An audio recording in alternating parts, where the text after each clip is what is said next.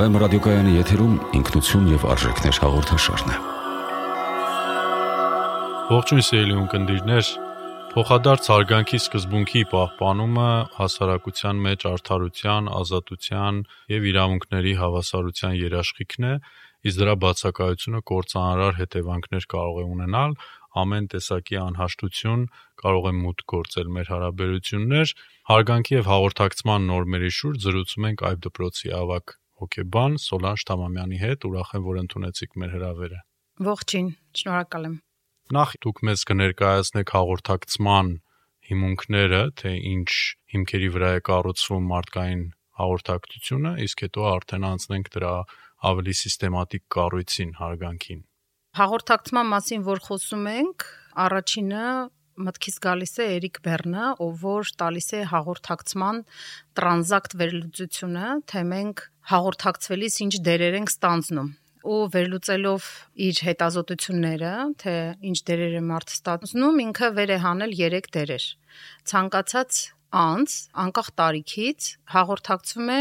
ծնողի, մեծահասակի, այսինքն հասուն մարդու,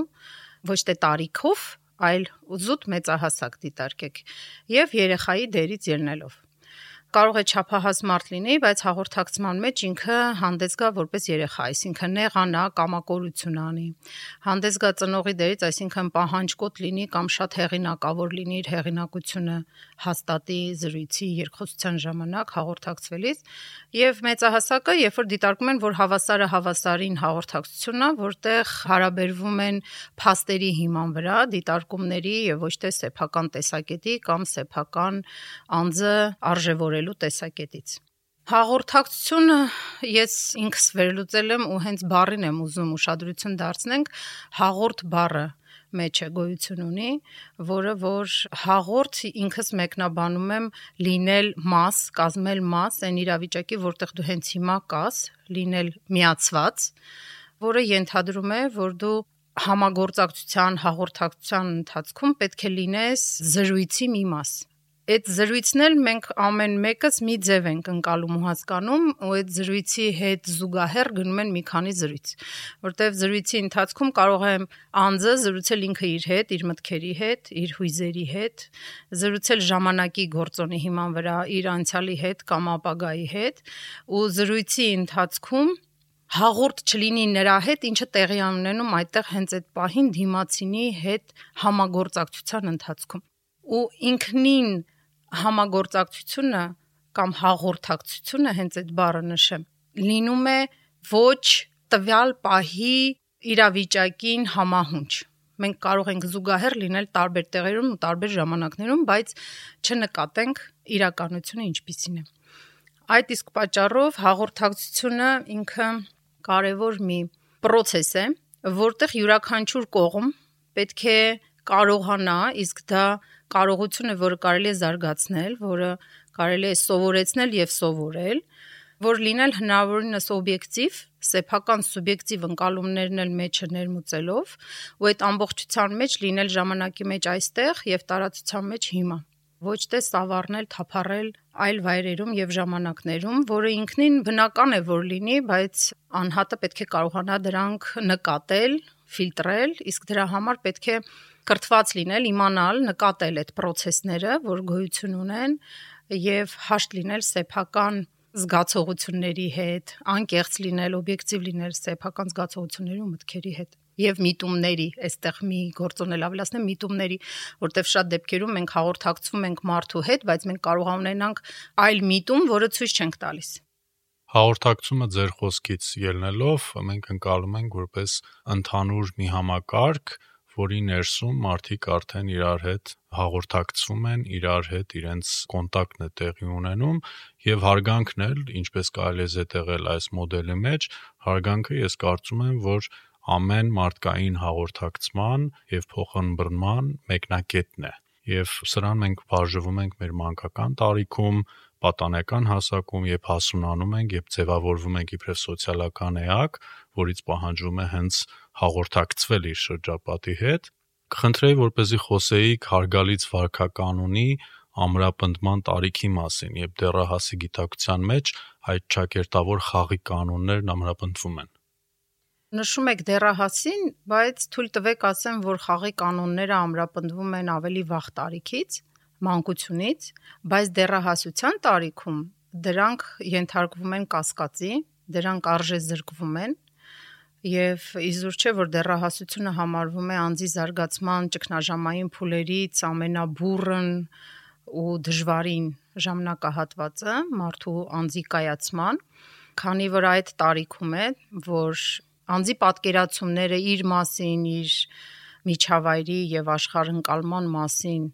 փլուզվում են, հեղինակազրկվում են եւ սկսվում է process-ը զրոյից այսինքն կասկածի է դրվում այն ամենը, ինչը եղել է մինչ այդ ժամանակահատվածը, քանի որ մանկության զարգացման փուլում անվերապահորեն հեղինակություն է ծնողը եւ ծնողի աշխարհընկալումը երեխան ընկալում է որպես սեփականը բայց դա շատ բնական process է, որ մեծանալով նկատում է այլ իրավիճակներ, որ տեղի են ունենում եւ համադրելով ծնողի ընկալումների հետ հասկանում է, որ ծնողներն էլ են սխալական եւ եթե այն պատկերացումները, որ ինքը ունի սխալական է, հետեւաբար մնացած ամեն ինչն էլ կարող է լինել սխալական եւ մեծ կասկած է առաջանում, որտեղից կարող է գալ նաեւ անհարգալից վերաբերմունքը, տպավորությունը, որ անհարգալից է դեռահասը բայց դա իր հախուրն բուրըն պատկերացումներն են եւ բոլոր այն process-ներն են, որ տեղի են ունենում իր հոգեկանում այդ ժամանակահատվածում ու այդ ամփուլնավ, երբ անձը շատ խոցելի է ու իրեն շրջապատող մեծահասակների վրա մեծ պատասխանատվություն է ընկնում այդ խոցելիության հետ շատ հարգալից լինել, հենց հարգալից հասկանալ ինչ process է տեղի ունենում, չվերագրել դա անձնական որ դա ուղված է անձին, դա ուղված է դեռահասի հենց ներսի process-ներին եւ հասկանալ իրեն։ Այդ դա կլինի հարգելը եւ պաշտպանել իրեն։ Ստեղծել են ապահով միջավայրը, որտեղ դեռահասին տալ են ժամանակը եւ իրավունքը եւ սխալվելու եւ ճանապարհ ուղիներ գտնելու, որ ինքը իրեն վեր գտնի եւ միշտ հոգեբաններս ասում ենք բաց թողեք դեռահասին եւ ինքը անպայման կվերադառնա իր ակունքին, այսինքն ձեզ, ծնողին, ընտանիքին, իր պատկերացումներին, որը ստացել է մինչ այդ։ Եթե այդ հարգանքը չկա եւ առաջանմա դրա հակառակ, այսինքն ցանկություն վերահսկել, ընդդիմանալ, պարտադրել հարգանք, այդ ժամանակ կարող է հեռանա ու չվերադառնա դեռահասը։ Մենք գիտենք, որ բացի ընտանիքից, ընտանեկան միջավայրից, վիրտուալ աշխարհից, որտեղ շատ հաճախ գտնվում են դեռահասները, մանուկների եւ պատանիների կրթության միջավայրերից, հիմնական միջավայրերից մեկը նաեւ դպրոցն է եւ շատ հաճախ կրթական գործընթացին զուգահեռ է, որ մանկավարժների, հոգեբանների եւ ծնողների համատեղ աշխատանքի շնորհիվ է, որ դեռահասներին ու պատանիներին փոխանցվում են հենց հարգալից վերաբերմունքի եւ հաղորդակցման հմտությունների բազային գիտելիքները կրթական բոլոր հաստատությունները նախադպրոցական, թե դպրոցական կամ բուհական իրենք էլի ենթադրում են մեծահասակ երեխա շփում բուհականում արդեն մեծահասակ եւ չափահաս ու այնուհանդերձ թույլ տվեք ասեմ երկու սերունդների երկխոսություն որտեղ որ ավելի հեշտ լինի այդ երկխոսությունը, որովհետև ծնողի դերից սուբյեկտիվ ընկալումները զգայական բաժինը չկա, երբ որ ուսուցիչն է համագործակցում դայակը կամ դասախոսն է համագործակցում երիտասարդի երեխայի հետ։ Սակայն մենք ունենք դժվարություններ այդ ոլորտում նույնպես, որովհետև մարդ էակը ինքը զերծ չի կարող մնալ իր սուբյեկտիվ ընկալումներից, իր ապրումներից, հուզականությունից, իր մտահոգություններից, իր դժվարություններից եւ կարող է պրոյեկտել այդ ամենը իր աշխատանքում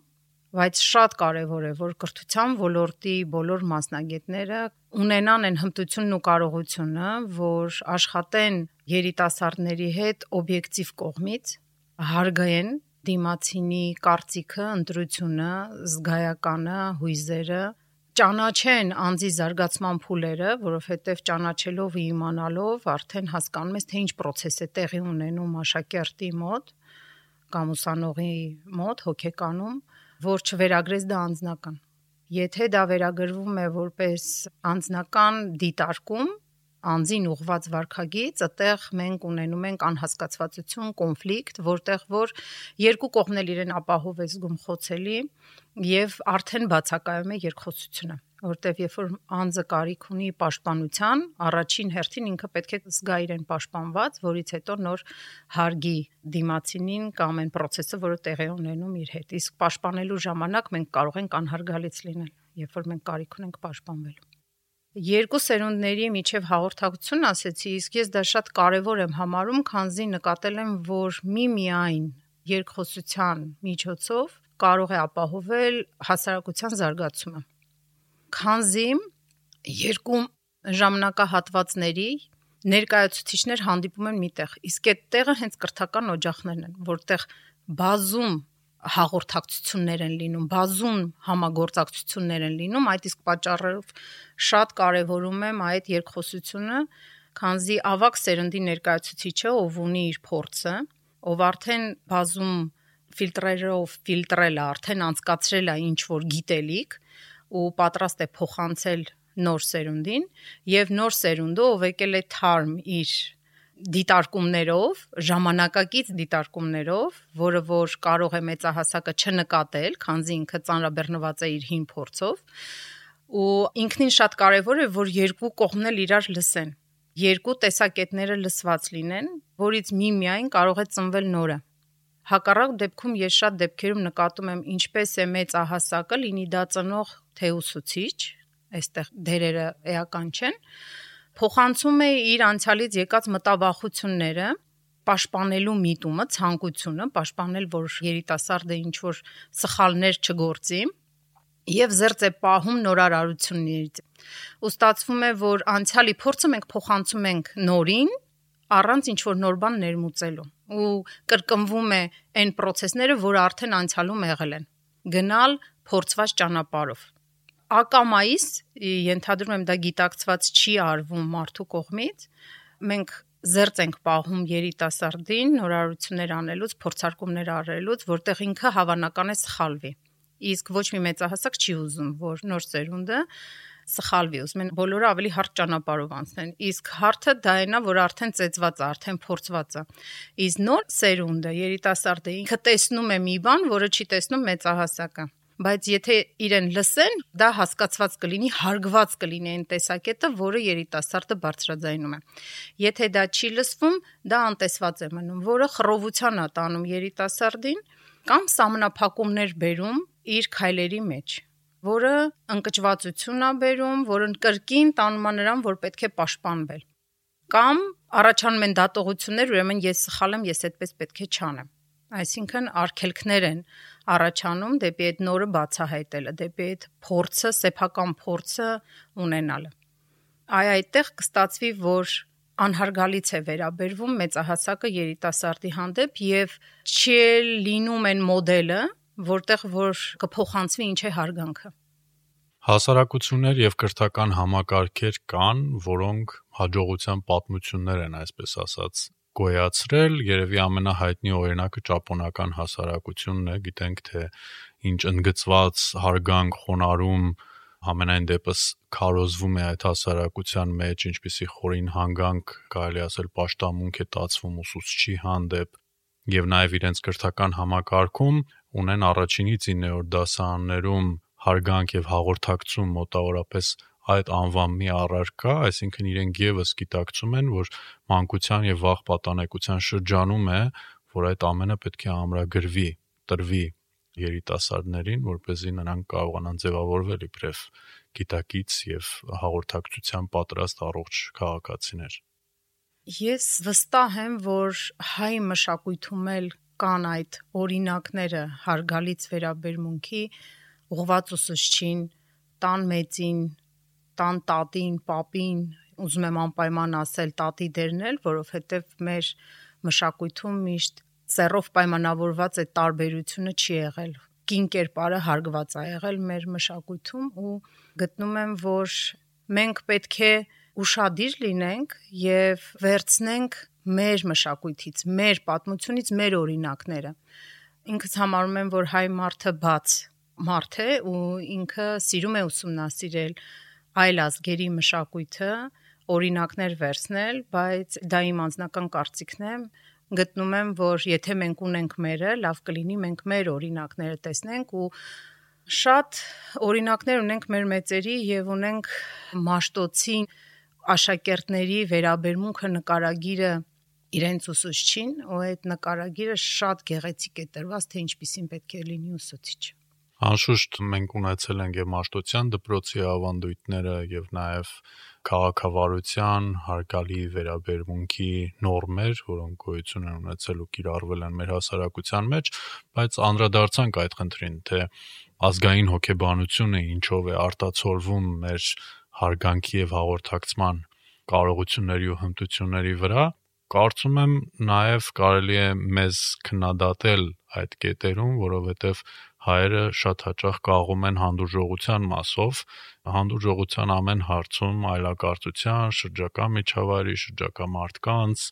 Եվ վերջի վերջո մենք մեր առօրյա հաղորդակցման մեջ էլ կարելի ասել շատ հաճախ անհարգալից դրսևորումներ թույլ ենք տալիս։ Կարծում եմ այստեղ աշխատանք կա։ Համաձայն եմ, միանշանակ աշխատանք կա։ Սա էլի կրթության մասին է։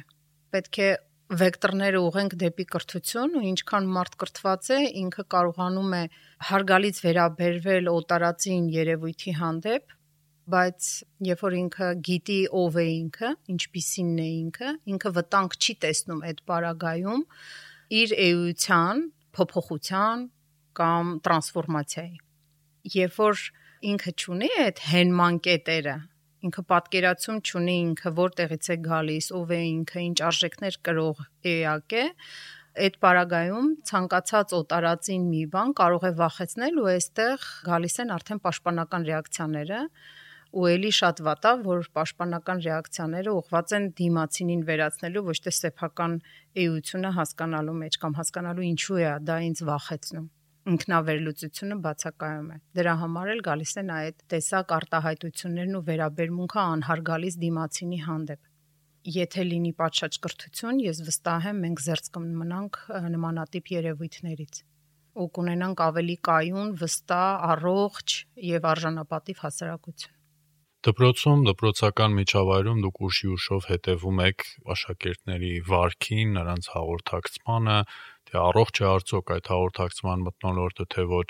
եւ բնականաբար անմիջապես աչքի են զարնում այն դեպքերը, երբ աշակերտը ակտիվ է կամ հակառակը пассив է, ագրեսիվ է կամ ընկճված է,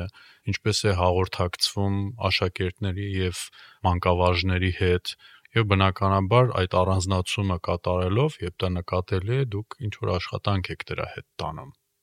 աշխատանք միանշանակ տարվում է ու այդ աշխատանքը առաջնահերթ հիմնված է աշակերտին լսելու հնարավորություն տալու ճիշտ տեսակետը արտահայտել, ձևակերպել, դրթապաճառները դրա հասկանալ, հնարավորություն տալ, որ ինքը հասկանա դրա դրթապաճառները, որտեղ շատ դեպքերում աշակերտի վարքը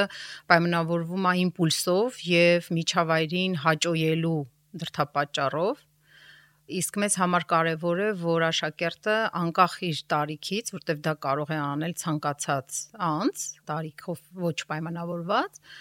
իր էությունից հանդես գա,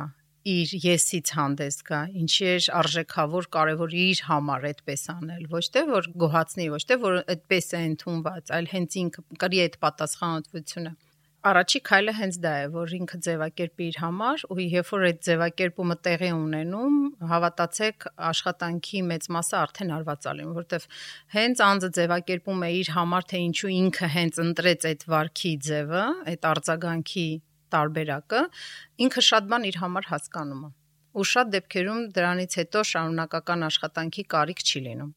Եթե կարիքա լինում հետագա աշխատանքի, արդեն անցնում ենք հաջորդ փուլերին, որտեղ արդեն իրավիճակն ենք դիտարկում, դիտարկումներ ենք անում, ինչպես կարող է այլ ձև աներ, իր նպատակից, իրական նպատակից ելնելով եւ անձը ինքնին գտնում է իր համար առավելագույն նպաստավոր պայմանները, որը որ զարգացնում է միջավայրը եւ իրեն շատ կարևոր է, որ այն ամենը ինչ արվում է, դա զարգացնող լինի, կառուցողական լինի միջավայրի եւ իր անձի համար առանձին չենք դիտարկում երբեք։ Դասանային միջավայրը չեք կարծում, որ բավականին նեղ է այդ բոլոր հմտությունները նրանց տալու համար եւ նրանց անհրաժեշտ է արտադասարանական ինչ որ զբաղում կամ հաղորդակցում, որ เป զի նրանք այդ հնակներն ավելի լավ յուրացնեն։ Օրինակ հենց Ճապոնիայի օրինակը մեջտեղ բերենք, այնտեղ տարական դպրոցից սկսված աշակերտները միասին եւ իրենց դասարանն են մաքրում եւ իրենց ճաշն են պատրաստում եւ հետո լվանում են իրենց ամանները այդպես կարելի է արտադասարանային միջոցառումներով ծառատունք, կամավորություն, ծառայություն ուրիշներին նման միջոցներով կարելի է նրանց ավելի վարժեցնել հաղորդակցման հմտությունը եւ հարգալից շփմանը Իհարկե, շատ ավելի լավ է, որ դուրս գալ դասարանային միջավայրից, որովհետև դասարանային խմբում արդեն ձևավորվում են պայմանավորվածություններ ու հասկանալի է լինում ով ինչպես է իրեն դրսևորելու եւ առաջանում է ստերիլ միջավայր ինչ որ պահի։ Դա համար շատ նպատակահարմար է դուրս գալ սովորական միջավայրից եւ ստացած հմտություններն ու կարողությունները կիրառել նոր միջավայրում, ավելի մեծ միջավայրում շփվել բնության հետ, կարողանալ բնության հետ շփվելիս զգալ սեփական կարևորությունը, ինչ դու կարող ես անել, նկատել արդյունքը, որտեվ հենց ծառատունկը, որը նշեցիք, ինքը այն աշխատանք է, որ աշխատանքի արդյունքը այդ պահին երևում է դու ծառ տնկեցիր ու տեսնում ես, որ մի փոքր կանաչ տարածք ստեղծեցիր դու քո ձեռքերով։ Հետո ամեն անցնելուց կարող ես ասել, որ այդ ծառը, որ մեծացել է, ես եմ տնկել։ Դու քո ուրույն ներգրավվածությունն ես տեսնում այդ process-ի մեջ իհարկե նաև հասկանում ես ինչու ես դու այդ անում, այսինքն քո տեղը բնության մեջ հասկանում ես, ինչեր դու կարող ես անել կամավորական աշխատանքը նույնպես որ անվերապահորեն առանց ինչ որ շահի դու աշխատանք ես անում ես շատ անգամներ աշակերտներից լսում եմ ինչպես են իրանք վերարժևորում այն աշխատանքը կամավորական որ իրանք անում են եթե սկզբից դա իրանց համար անհասկանալի է երբ որ դպրոցն է առաջարկում կամ ուրիշ մեկը կամավորական աշխատանքը առաջարկ է անում չեն հասկանում ինչի իրանք պետք է անեն, իրենց ժամանակը տրամադրեն նմանատիպ աշխատանքին, երբ որ իրանք օրինակ տնայիններ ունեն անելու, պլանավորած շատ աշխատանք ունեն, ինչ որ ժամանակ անց իրանք նկատում են այն բարեխոհությունը, այն լավ զգացողությունը, որ իրանք են ունենում, որ ուղակի հենց այնպես ինչ որ մեկին օգնում ես, իրենք իրենց ավելի մարդկային ու ավելի ազատ ու ավելի լավն են զգում այդ տրանսֆորմացիան, որ տեղի է ունենում իրանց ներսում, այդ զգայական մակարդակում, որ իրանք ընկալում են, այդ լավագույն արդյունքն է, որը իրանք կարող են հասնել գործնական աշխատանքով, ոչ թե լսելով կամ զուտ ասելով, ինչը շատ հաճախ լինում է, որ կարող են ասել ես բարի եմ, բայց այդ բարին չզգան իրենք իրենց մեջ։ Իսկ նմանատիպ փորձառության արդյունքում իրանք այդ զգացողությունը ունենում են ու իրանք ավելի վստահ են լինում ու ավելի կարող են իրենք իրենց զգում։ Ծայրահեղ դրսևորումներ դպրոցականների մեջ միշտ լինում են եւ կարծում եմ կան երեխաներ, որոնք ինչ-ինչ պատճառներով կամ շատ անհարգալից են վերաբերվում կամ աշակերտներին, իրենց համադասանցիներին կամ ուսուցիչներին եւ շատ հաճախ էլ հենց ուսուցիչների կողմից էլ պիտակավորվում են որպես անկարգ կամ անուղղելի ինչ որ դեպք, բայց հուսով եմ որպես հոգեբան դուք չեք հավատում այդ անուղղելիությանը եւ միշտ աշխատանքը շարունակում եք նման աշակերտների հետ ինչպիսին է ձեր մտածումը ծայրահեղ կամ ծանր դեպքերում, երբ ստիպված եք ողջ գործիքակազմը գործի դնել կամ խստություն գործադրել թեկուս։ Հոգեբանության մեջ ասվում է, որ մարդը ավելին է, քան այն վարքը, որ ինքը ցույց է տալիս որտեվ վարքը կարող է պայմանավորված լինել ինչ-ինչ գործոններով, պատճառներով, որը անտեսանելի է մեզ։ Ու ուղղված չի հենց հասակակցին, դասարանին, միջավայրին կամ ուսուցչին։ Ուղղված է իր ներսի ինչ որ process-ներին, որը որ մենք չենք տեսնում։ Այդ իսկ պատճառով միշտ պետք է դիտարկել, որ մարդը ինքնին անգամ ծայրահեղ վարքագից ցույց տվող մարդը ունի են լուսավոր կետերը, որը մենք չենք տեսնում այստեղ այս պահին։ Ու այդ հավատը, եթե հավատում ես դրանից, դրան պետք է հավատալ, որտեղ վատ մարդ, որ լիարժեք վատնա չի լինում։ Ամենավատ մարդն էլ ինչ որ մեկի համար լավն է։ Հետևաբար ինքը ունի ինչ որ կարողություն, բնավորության գից, որը որ լավն է իսկապես ու մենք պետք է փորձենք այդ լավը գտնել։ Իսկ այդ լավը գտնել մեզ թույլ է տալիս իր հետ շփումը, հաղորդակցությունը, համագործակցությունը, զրույցը Իսկ երբ որ ես փնտրում եմ այդ լավը, ես միշտ այդ լավը գտնում եմ, ինչպես դուք նշեցիք, պիտակավորում են, գնահատում են։ Հենց պիտակավորում ես, գնահատում ես, արդեն հիմնվում ես դրա վրա, այդ պիտակի վրա, ու այլևս հետաքրքրություն չունես դիմացինի մեջ նկատել, գտնել լավը։ Իսկ եթե փնտրում ես վատ դրսևորման մեջ, կարող ես տեսնել մեդալի մյուս կողմը ինչ կա նրա մեջ, որտեվ շատ դեպքերում չարաճճի երեխաները, անցանկալի վարք ցուցաբերող երեխաները իրանք համարցակ են իրենք կարողանում են խոսել իրենց դժվարությունների մասին, կարողա չգիտեն ինչպես դա ձևակերպեն, բայց իրանք դա ի ցույց են դնում ու դա հոգեբաններս տեսնում ենք որպես օգնության ճիչ։ Ու այդտեղ պետք է հասկանալ, որտեղ ինքը դրա կարիքը ունի եւ համագործակցությունը ուսուցչական կազմի հետ էլ մեզ տանում է նրան, որ այդ կարողությունները, հմտությունները, այդ դիտողունակությունը կարողանանք փոխանցել նաեւ ուսուցչին, ով մշտական համագործակցության հաղորդակցության մեջ է երիտասարդի հետ, երեխայի հետ ու այն ուսուցիչը, ով որ դա նկատում է, իր մոտ հաղորդակցությունը շփումը աշակերտի հետ ավելի հարթ է անցնում ու ջանքեր ավելի քիչ է դնում ավելի շատ ստեղծագործական աշխատանք է կարողանում անել դասարանում այդ բարագայում ուսուցիչը։ Եվս մի ամփոփիչ հարց Գեղարվեստական գրականության մեջ եւ ֆիլմի ժանրում քիչ չեն օրինակները, երբ դաստիարակության շնորհիվ վայրենուն ջենտլմենի են վերածել կամ հասարակ գռեհիկ ծաղկավաճառուհուց լեդի են կրթել, Թվում է, թե հասարակությունը ունակ է անհատին պարտադրել հարգալից լինել եւ վարվեցողության ճիշտ ձևաչափով առաջնորդվել։ Նույն համեմատությունը եթե բերենք անբարո մարդուն, չես կարող ստիպել բարոյական լինել, եթե դա իր ընտրությունը չէ, եթե նա ինքը դա չի ցանկանում, բայց կարծես վարքը հնարավոր է փոխել հարգալից եւ ճիշտ հաղորդակցման սկզբունքները հասարակությունը շրջապատը ունակ է պարտադրել։ Ինչ է կարծում այս մասին։ Ես կասեի այսպես. ունակ է շտկել, ունակ է փոխանցել, ոչ թե պարտադրել, որովհետև ով որ նախաձեռնող է փոփոխությունների, ինքը պետք է այդ արժեքները կրողը լինել։ Այսինքն ինքը հենց անձի հետ պետք է հարգալից վերաբերվի։ Եթե այդ հարգալից վերաբերմունք չկա, դուք ինչպես էլ կրթեք, դուք չեք ստանա այն արդյունքը, որին որ ձգտում եք ձեր խոսքում էլ նշեցիք դիմացինը ցանկանա փոխվել։ Այդտեղ էլ հենց այդ հարգանքն է, որտեղ որ ես ներկայացնում եմ ինչ process է տեղի ունենում, ինչ արդյունք ակնկալել, արդյոք դիմացինը ցանկություն ունի այդ process-ի մեջ ներգրավվելու։ Իսկ եթե անձը նկատում է, որ այդ process-ը ապահովության միջավայր է ստեղծում իր միջավայրի հետ շփվելու, չեմ կարծում, որ կգտնվի մեկը, ով զերծ կմնա դրանից։ Չի ցանկանա այդ ապահովությունը ունենալ։ Այդ իսկ պատճառով հարգանքը այո կարող է փոխանցվել, կարող է դաստիարակվել, եթե դաստիարակողը ու փոխվողը ինքնին այդ հարգանքի մոդելը իրենից ներկայացնում է։ Շնորհակալ եմ զրույցի համար, անկախ տարիքից ամենքս պետք է աշխատենք լրամշակենք մեր հարգալից վարմունքը մյուսների հետ եւ հաղորդակցման հմտությունները։ Մնացեք բարև։